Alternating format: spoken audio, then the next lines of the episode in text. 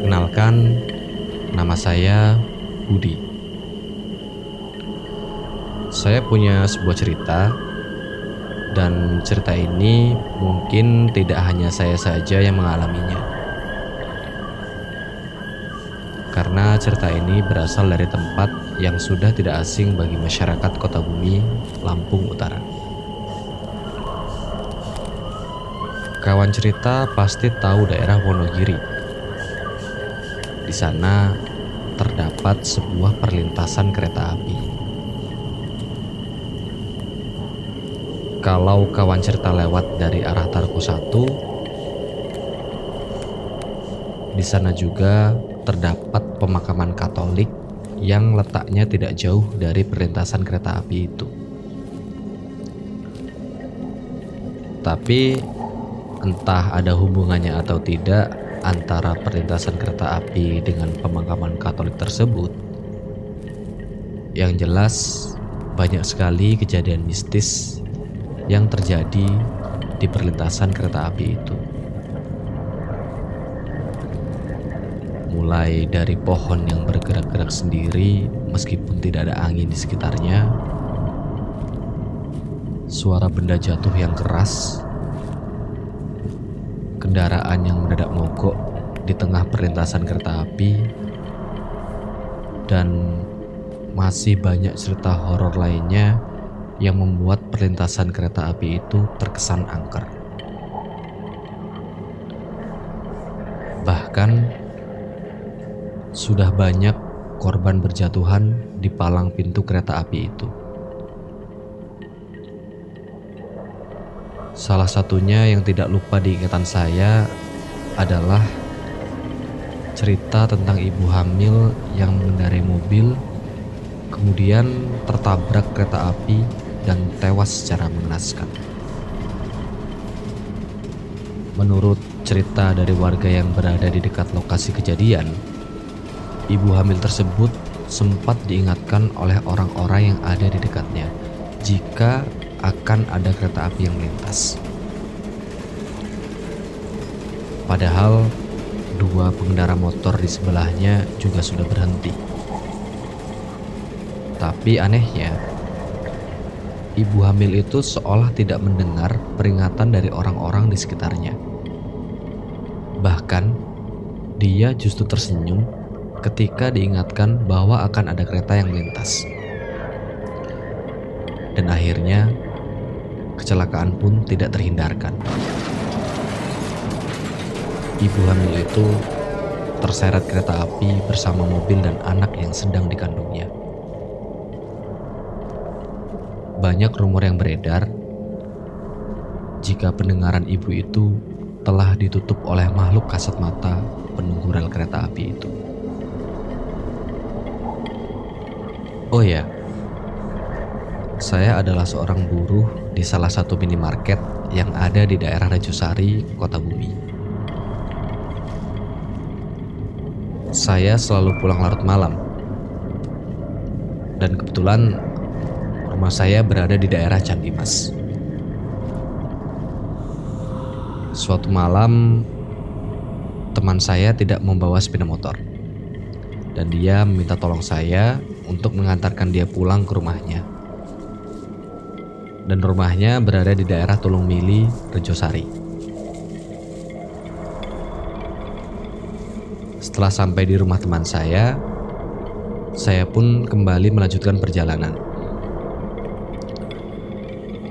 Jadi, untuk mempersingkat jarak ke arah Candi Mas, dengan terpaksa saya memilih lewat daerah Wonogiri yang tembus ke Tarko 1.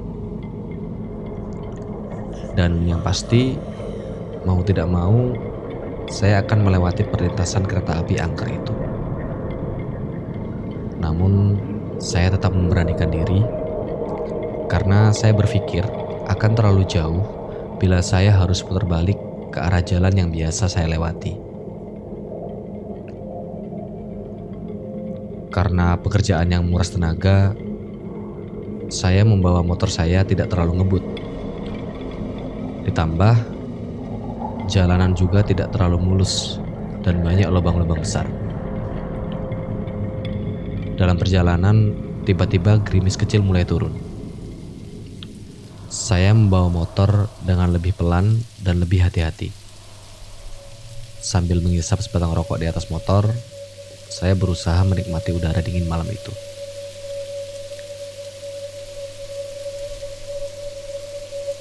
Tak terasa, saya sudah mulai mendekati perlintasan kereta api. Dan ketika saya melewati pemakaman Katolik dekat perlintasan kereta api itu, saya melihat seperti ada sinar terang dari arah belakang pemakaman Katolik tersebut.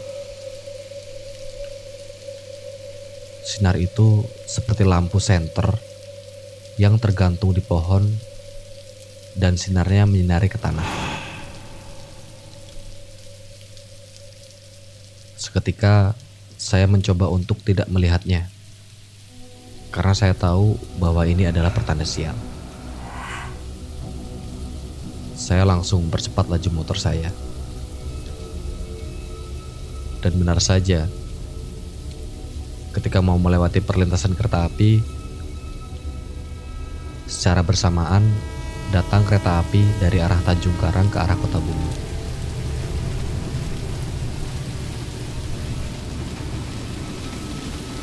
Gerimis yang tadinya kecil sekarang perlahan bertambah deras. Motor saya sengaja tidak saya matikan supaya ketika kereta sudah lewat, saya langsung tancap gas untuk menghindari sial saya tadi. Kereta api terasa begitu panjang. Setelah lama menunggu, akhirnya terlihat gerbong terakhir. Dan saya siap-siap untuk ngebut karena takut dan juga gerimis yang semakin deras. Tapi ketika saya menarik gas, tiba-tiba motor saya mati. Sial, mampuslah gua. Dalam hati saya berteriak. Saya langsung turun dari motor dan melihat sekeliling apakah ada orang yang bisa dimintai pertolongan. Dan lebih sialnya, di situ tidak ada seorang pun. Lalu sambil memeriksa motor, tiba-tiba dari arah belakang, saya mendengar suara gesekan langkah sandal yang berjalan ke arah saya. Akhirnya saya sedikit lega. Saya langsung melihat ke arah belakang untuk melihat orang itu. Tapi anehnya saya tidak melihat siapa-siapa. Dalam hati, loh, perasaan ada suara orang jalan. Tapi ke mana? Kalau setan kan gak mungkin jatuh tanah. Sembari takut, saya kembali memalingkan badan ke arah sepeda motor saya. Dan saya mencoba lagi untuk menghidupkan motor saya. Setelah mencoba berkali-kali, motor saya pun tidak hidup-hidup. Lalu saya ingat perkataan teman saya. Kalau motor kita mati di tempat sepi dan angker, coba dorong dulu motor kita. Baru hidupin lagi. Saya langsung mendorong motor saya. Ketika kurang lebih 2 meter, suara langkah kaki itu terdengar lagi. saya semakin takut. Karena sedang melewati rel, saya tidak berani untuk melihat ke belakang. Setelah saya sampai menyeberangi rel, saya mencoba untuk menghidupkan motor saya. Dan akhirnya hidup.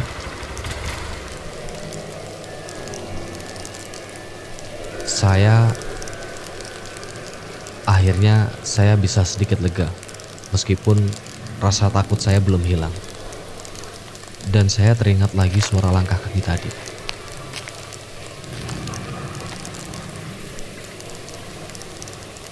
Benar saja, ketika saya menoleh ke arah belakang, Alangkah terkejutnya saya, saya melihat sepasang kaki dengan sandal yang hampir terputus berada di seberang rel kereta.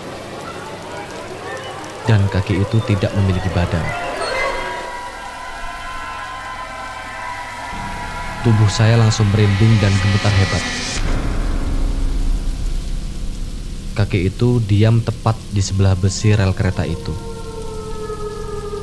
Potongan daging di atas betisnya masih mengeluarkan darah merah yang terlihat samar di lampu kuning jalanan. Saya mencoba paksa tubuh saya untuk bergerak dan langsung membawa motor saya sekencang-kencangnya. Tidak peduli lagi berapa banyak lubang di jalanan yang saya abaikan karena ketakutan saya yang tidak hilang-hilang.